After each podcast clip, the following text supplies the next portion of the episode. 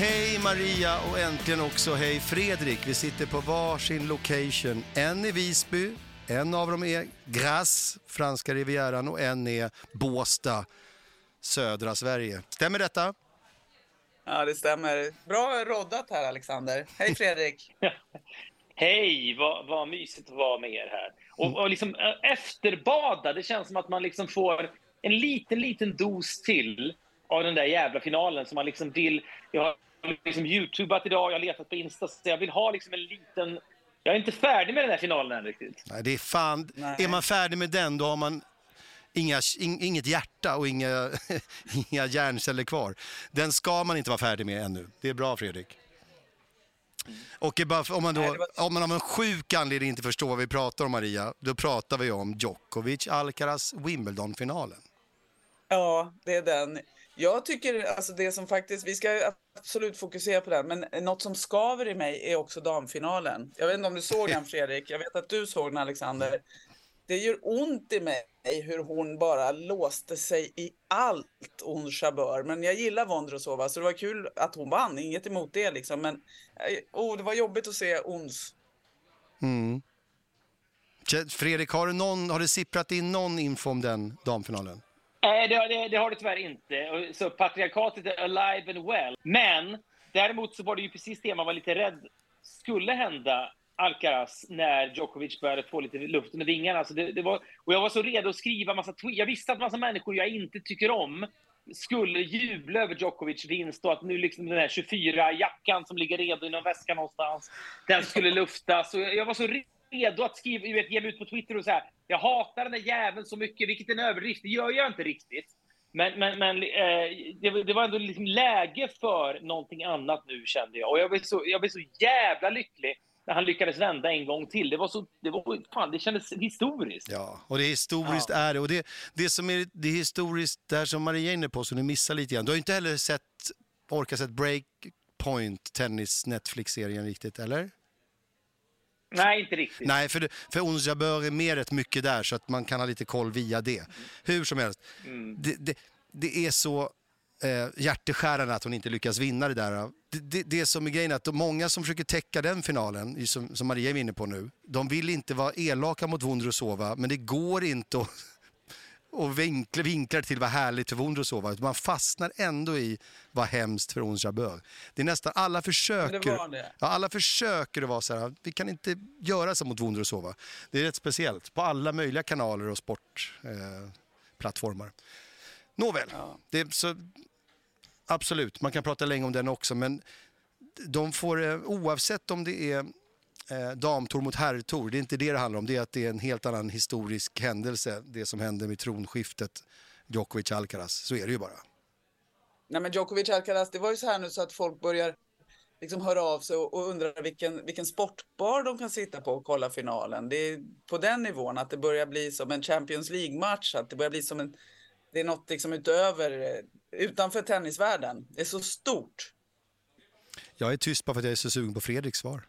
Nej, men för jag, jag, en kompis till, oss, eh, Emil Persson, messade mig Mm. ett, några GM in och bara skrev fan man saknar Kyrgios i finalen. För då tänkte man så här, det- ja visst, för Djokovic kommer ju ändå vinna, så det spelar liksom ingen roll vem man spelar mot. Det är roligare att han spelar mot Kyrgios som har en märklig relation till sitt team, som kan ga- gapa och skrika liksom, och, och göra liksom, ja, men skapa lite fyrverkerier kring den här matchen. För vi vet ju alla hur det kommer att sluta ändå. Men liksom från och med eh, ja, men, eh, ett par set in så fast, då, då tänkte man inte på Nick Kyrgios överhuvudtaget.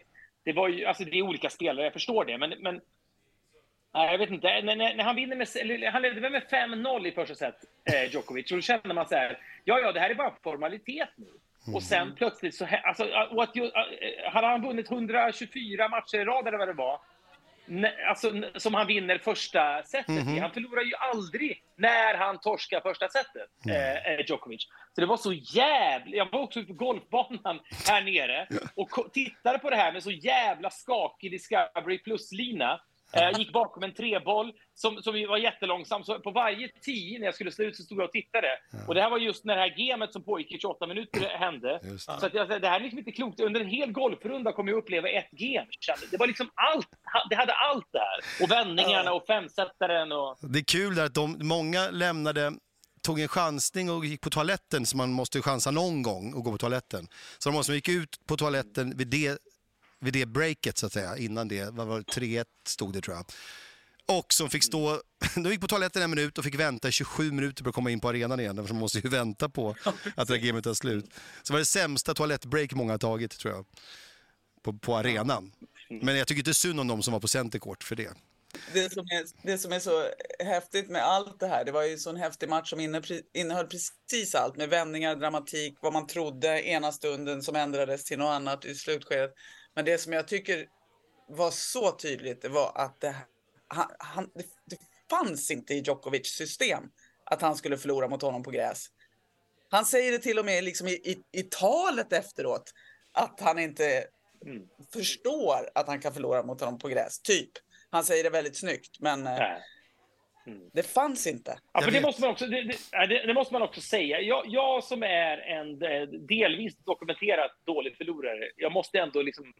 Jag, och jag förstår också, när man jobbar med idrott och har sen liksom 8-9 års åldern varit i turneringar, vunnit ibland, förlorat ibland. Man är van vid hela proceduren av att, att, att put on a brave face när det har gått dåligt. Så att säga. Men jag, det är ingenting som imponerar mer på mig vad gäller idrottsmän än deras förmåga att minuter efter en hjärtskärande förlust ändå vara så jävla trevliga och passionerade i de här intervjuerna efteråt.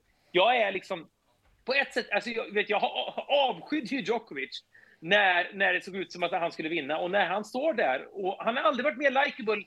Nu har, ni har ju sett mycket mm. mer, ni har ju sett såna här intervjuer med honom, men jag var verkligen helt golvad av att han var så otroligt stor i den där stunden. Jag begriper inte hur de har det i sig när de är sådana vinnarskallar. Nej, men jag håller med dig där Fredrik. Det här talet tycker jag faktiskt var ett av hans bästa. För han var, det här gjorde så ont tror jag. Det gjorde så fruktansvärt ont. Men han är också samtidigt faktiskt så sjukt imponerad och glad för Alcaraz. Han gillar honom. Han är glad för hans skull. På riktigt. Jag tror inte han har en förlust mot Federer och Djokovic när han säger samma, när han känner samma sak. Och sen så då när han bara tittar upp mot sin son och det brister. Alltså det är så mm. fint, hela den stunden är så fin. Man tänker då, kommer den energin och följa med hela vägen till US Open och att han plötsligt blir lite äh, äh, inte publikfavorit kommer han väl aldrig att bli, men liksom så här, gjorde det där någonting med hans aktie så att säga? Att folk plötsligt nu, nu är han plötsligt den här åldrade matadoren liksom, mm. eh, så, som man kanske plötsligt börjar heja på, vilket man inte har gjort tidigare. För han har ju väl varit den personen som folk har svårast att omfamna. Men jag undrar om det här kan ha förändrat det? Jag tror, jag tror att du är inne på något där. Ja. Jag tror absolut det. Det tror jag verkligen. Och han, han älskar tennis så mycket och har sån respekt för tennis. Och i och med att Alcaraz då är en slags ultimat både tennisspelare och tennisälskare själv han, han, det finns inte ett, ett tvivel om, om hur mycket han har dedikerat sitt, sin själ och sitt liv till tennis. Så att han har sån respekt för det. Det hade han ju inte haft för Kyrgios. Som är en lite så par, part-time player. Ja, när det femte sättet börjar, ni som tittar på det här mycket, mm. mycket mer än jag, och ni, alltså herregud, alltså, det går inte ens att jämföra. Ja. Men Trodde någon av er att det fanns på kartan att Alcaraz skulle kunna, skulle kunna vinna? Om jag ska vara fräck mot Maria nu så ska jag, jag skulle nästan lägga ut klippet på Instagram att när vi sitter i Nyhetsmorgon eh, häromdagen på morgonen så sitter jag och säger att jag tycker att det pekar åt att Alcaraz ska vinna det här. Faktiskt. Och det finns väldigt då tydligt eh, dokumenterat. Och Maria är duktig som man ska vara och hon har ju rätt i att Djokovic erfarenhet kommer att avgöra. Så jag har ju inte rätt egentligen, men jag fick rätt.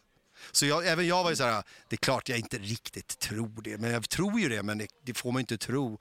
Och jag förstår då att in i sista minuten så tror jag fortfarande att Djokovic ska fixa det. Så jag var helt, jag, när, när Alcaraz faller ihop på gräset, jag är ju min husbil för övrigt, där finns också, min fru har filmat, jag faller typ ihop i husbilen på samma sätt. Eh, vilket, du är också ja, dyngrak. Nej, jag var inte det faktiskt, men jag har druckit lite grann, det måste jag säga. Men, men jag hade ju sett matchen, på, det här är kul, när du såg den på golfbanan då Fredrik och Maria i studion på, på, på jobbet så att säga. Jag åkte ju husbil till Båstad och den, det blev så att vi började se matchen typ någonstans eh, i början av resan och hela husbilsresan var hela matchen så att säga och mm. utan mm. dåligt wifi. Och här är då det som känns lite religiöst. När vi glider in i Båstad så är det kyrkogata, man kommer till en kyrka och där ställer man husbilen. Och då är det filmat då Rebecca gör matchbollen och allt det där sker när vi parkerar och sätter stopp utanför kyrkan. Så det blir väldigt eh, vackert så att säga. Eh, för min del då, extra vackert. Nej, men jag får ju berömma dig där då, att du plockar honom. Spelmässigt, jag fattar att han kan vinna, men jag trodde inte på den banan med den inramningen att Djokovic inte skulle knipa det. Nej. Också, som ni säger, inte förrän liksom matchbollen var inslagen. Nej. Ja, det var ju så svårt, den här statistiken du har hört om Fredrik, att till exempel tiebreaket i andra, så han har inte förlorat ett tiebreak, 15 tiebreak i rad utan nästan utan en enda unforced error också. Att även det ska brytas, allting bara bröts som en jävla eh, Berlin-kines-mur på en gång. Eh, Men tror ni nu då? Får jag bara- fråga vad ni tror nu om... Det är kanske för tidigt att hoppa till framtiden här, men jag, jag, tänk, jag tänker ju redan på US Open, vilket jag inte... Mm. Jag, jag är ju en väldigt casual tennis, eh, tennisfan. Jag, jag, men, men just, jag kan ju blixtra till när såna här saker händer. mm. Eh, som en typisk så att säga, sportmedgångssupporter. Så jag hejar ju inte specifikt Ja, ja. Liksom, på någon spelare, men när, när det är spännande så älskar jag att sugas med. Och nu tycker jag US Open känns vrålspännande just att kommer Djokovic använda det här som bränsle eh, för att då eller hur kommer det gå där? Liksom, är han bruten nu? Ja, nu är de inne, det här ska verkligen Maria svara på tycker jag med pondus, men jag säger bara snabbt innan. Att nu är de inne på, innan Djokovic lägger av nu så har de, en, har de fått igång tror jag en egen liten sån här äh, Djokovic, Federer, Nadal-grej mellan sig. Där det kan vara så att det är de två igen och hur ska det gå den här gången? För så, har så har vi hållit på nu i 15-20 år. Eh, de kan vara inne på en sån grej, men det dråpliga är ju att det, det kan dyka upp en jävla eh, joker och ungefär som Hur, Hurkacz höll ju på faktiskt på att chocka Djokovic och ta bort honom mitt i allt det här. Det var inte, det var inte långt borta. Men Maria, varsågod. Vad tror du om US Open-upplägget nu? Nej, men jag tror att Alcaraz kommer göra att Djokovic kommer tagga till ytterligare och kommer hålla på längre. För han är så intresserad av alla de här rekorden. Så jag tror att de kommer skapa en rivalitet. I US Open är jag alltid livrädd för eh, Medvedev. Alltid. Han är så bra på hardcourt. Men eh, det är de tre tror jag det kommer att handla om där. Och jag tror Alcaraz är bara en tillgång för hela det där toppskiktet. Det är precis vad Djokovic behöver för att eh, tagga till. Vem var det eh, eh, Alcaraz spelade den här mytomspunna femsetaren mot? Var det semifinalen av US Open förra året? Ja, det var Sinner du tänker på tror jag. Alcaraz? Alcaraz har ju en... Han, det finns ju en på Netflix som är när han, möter Tiafoe i, eh, sin, i semifinal. Och Tiafoe, Mm. hjärtskärande, ungefär som Ons Jabeur. En hjärtskärande förlust för Tiafoe mot Alcaraz. Men det var ändå en kvartsfinal tror jag det var, när Sinner och Alcaraz möttes. Men det var så här årets match. Ja, det, det tror jag ändå den du menar, årets matchkänsla. Det var Ja, det kanske är det. Kanske är det. Jag bara tänker vilka, vilka, vilka liksom jokrar det finns i... Alltså, är, det liksom, är det skrivet i sten att de här två möts i finalen i US Open eller finns det någon annan som kan kliva fram? Ja, Maria, Maria är absolut inne på med, Medvedev, det, så är det ju. Medvedev, Medvedev, ja, just det. Ja, Ja. Jag säger Medvedev nu, för jag har förstått, jag har kollat upp där, det är det man ska säga faktiskt. Eh, Ja, så jag, jag får bara gå med på det. Eh, det finns eh, några jokrar, men de, är ändå, de har visat nu att de inte står pall. Alltså, när Hurkacz nu, han, har haft så här, han hade tiebreak som han ledde med 6-3, han kunde inte vinna ändå. De kan inte. Nej. Men när Djokovic står där. Och nu har det visat sig att eh, och Holger Rune stod inte upp mot Alcaraz och så vidare. Ännu. Så att, och de känns som... De, ja, de blir bara starkare och starkare också, det är det. Vad sa du? De blir bara starkare och starkare också, Djokovic och Alcaraz, när de håller på och möts så här. Ja. Men, Men eh, Rune kommer. Han såg ju overkligt blek ut i sin match mot eh, Alcaraz i Wimbledon. Mm. Men han kommer nog, eh, inom några år kommer han stå i de där finalerna tror jag.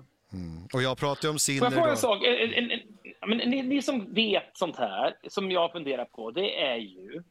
Man tänker så här, okej, eh, Alcaraz är 20 och Djokovic är 36. Det känns ju som att ja, men det kan ju bara gå... Det, det känns som Lejonkungen på något sätt. Det kan ju bara gå åt ett håll här. Att Alcaraz blir bättre och bättre medan Djokovic blir liksom skröpligare och skröpligare. Men på samma sätt som när en exempelvis då en... Eh, jag kommer ihåg när Elias Pettersson skrev på för Vancouver eh, i, alltså i NHL och var så, hans rookie-säsong var helt otrolig och sen och han, jag tänkte här, han kommer bli världens bästa hockeyspelare. Mm. Sen var det som att motståndarna liksom de, de knäckte koden till hur han spelar och han blev liksom neutraliserad. Lite grann. Han är fortfarande framgångsrik och sådär. Finns det ett sätt att, om, även om Djokovic inte kan bli så mycket bättre tennisspelare än vad han är när han är 36 år gammal, rutin och sådär, men kan han plocka isär Alcaraz och studera honom och så här, nej, men, ja, men avkoda honom? Finns det så att säga på kartan? Alltså jag, tror, jag tror han kommer kunna det då och då, eh, när allt det strategiska funkar i, i över fem set. Då kommer han kunna det. Men jag tyckte han sa det så perfekt som han sa det på presskonferensen efter det här. Han har aldrig mött någon som Alcaraz. Federer, Nadal i all sin ära, men de har svagheter.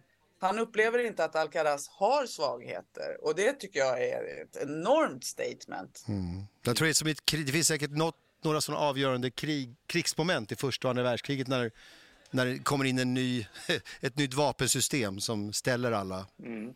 Eh, de bara, vad fan är det här?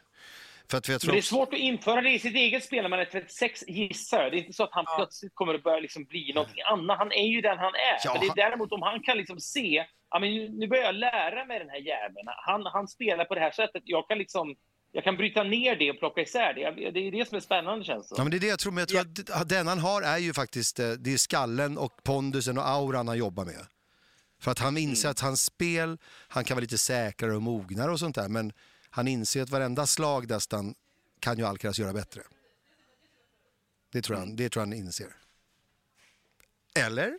Maria, är det, är det så? Finns det några slag kanske? Är det inte vilka riktigt? Nej, men alltså, det, det skulle man matcha dem mot varandra, visst. Men, men skulle ha Djokovic den här strategiska, perfekta dagen där han liksom på något sätt kan få honom lite ur balans och ta lite felbeslut och sådär. Men det, det, kommer inte vara lätt. Alltså jag, jag har inte heller sett någon som Alcaraz tidigare. Det är, det är något annat. Jag, måste, jag kan jämföra med Fredrik som det, som det är 100 procent du kan då, inte bara du utan vem som helst, ta in. Det är att när Lionel Messi kom där runt 2000 2003, 2004 vad det var. Då, då kände, man kände det och man trodde också att det skulle hålla och det visade sig att det höll. Och han kände som en mm. helt ny nivå. Och det, när han dribblade igenom alla, och inte, allting var, nu kommer det upp några Sala och massa andra härliga. Men han kände att det här var en helt ny nivå. Och det var det mm. verkligen. Det var så chockerande eh, hög nivå på Messi. Det känns, jag, tycker, jag tänker hela tiden att det påminner om Messi.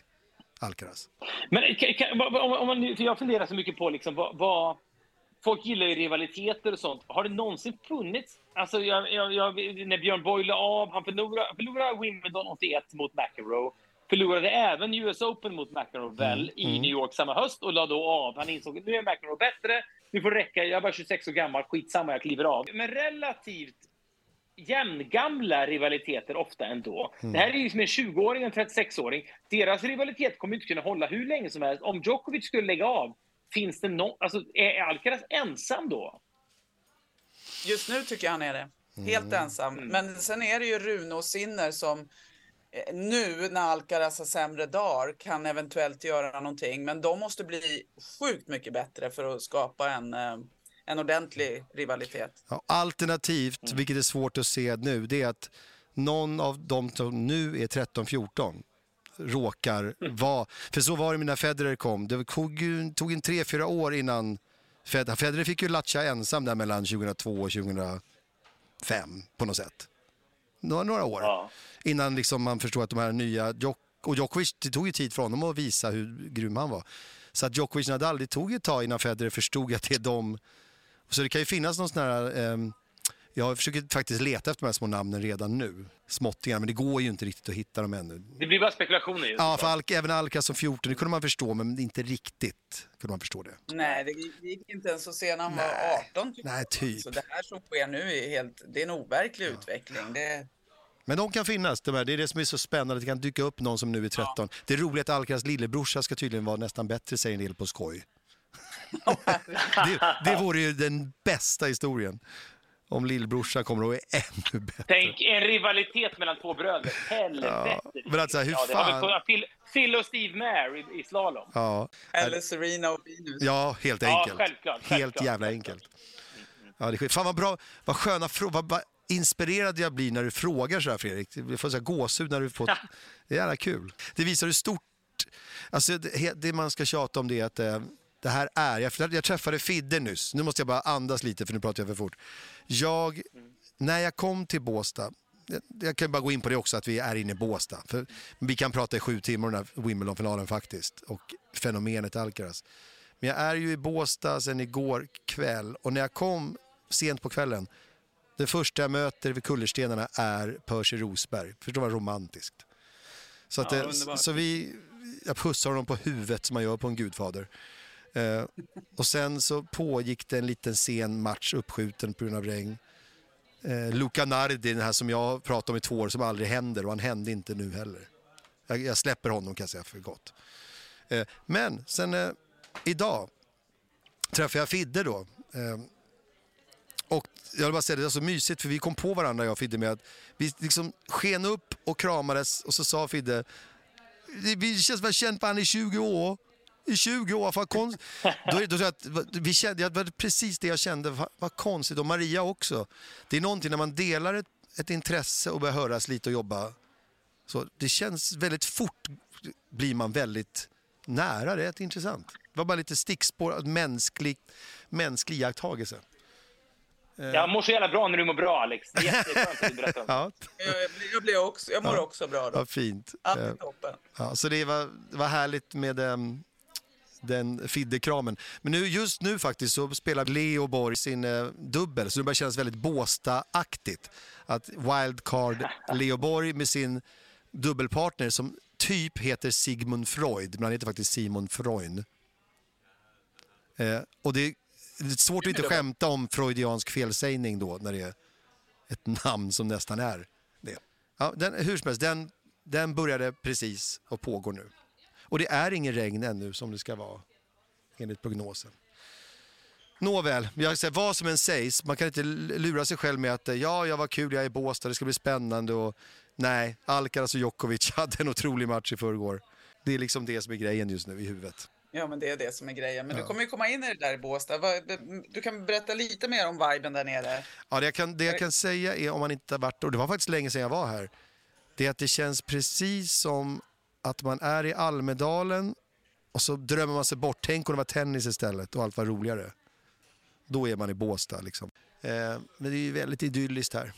Det måste jag ju verkligen säga. Har du varit här Fredrik? Jag var där en gång när tidningen Café ordnade någon fest där nere och chartrade någon slags plan från eh, Bromma. Och jag dök upp där och det var precis när Daniel Kollert och Svante Tegnér och de här var omsusade som kronprinsessan Victorias killgäng. Mm. Och de var på det planet och betedde sig så jävla grisigt. Och du vet, förnedrade någon flygvärdinna. Och det, det var så fruktansvärt. Liksom. Det, det var sån in, mitt djupt rotade hat mot en överklass Mm. jag eventuellt tillhör själv, som Ja. har hus i grass. Liksom, det, det, det, det, det är ground zero för det. Det låter jävligt Fy fan, vad 2001 det här du berättar. Någonting som 99 kanske, någonting, ja verkligen så. Mm. Och, och, och, eh, och sen så var det massa fester där nere, det var jättekul. Men, men, eh, och så har jag spelat golf där några gånger i och för sig, Ja. lite senare då. Men, Ja. men, äh, men äh, det finns mycket skit med Båstad, det tror jag. Det gör det nog. Men gud vad mycket fint Ja. och härligt det finns. Som att jag ska slå mig ner på hedersläktaren, det är det att jag håller på så och tar i. Att jag ska slå mig ner nu. Percy Rosberg har en liten plats bredvid sig på hedersläktaren för mig. Mm. Mm. Då, då, då tar jag för mig kan man kalla det. Eller hur? Av Ja, veckan. men det, det gör du rätt i. Ja. Det gör rätt i.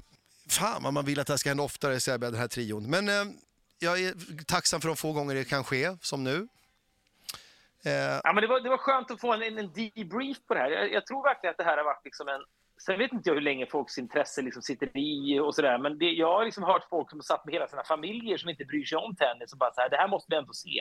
Det här är en otrolig match liksom. Jag älskar när sådana grejer. Nu har jag och mina döttrar hållit på lite grann peppa inför fotbolls-VM här från Australien och Nya Zeeland på sikt. Men det är så utspritt och jag vet inte vad det är för tider och sånt där. Men just de där stunderna som man själv minns från barndomen när man sitter stora delar eller hela familjen in under ett liksom, idrottsevenemang som engagerar, då är det nästan alltid svenskar. Det var det ju inte här. Det är det som var så speciellt med det här. Man ändå har hört så mycket historier om folk som har suttit och kollat på det här och man bara tänker, tänk att bara varit spanjor och kolla på det här. Ja. Vilken jävla grej! Det är sant, men ju- Ja. det är intressant att den här nationsgrejen känns, den finns där såklart och de är stolta över sina spelare, men tennis känns som att det är individer bara. Det är därför jag tycker det där stackars ryssar och vitryssar, jag, jag kan tycka ibland att de är individer mer än att de är representerande nationer.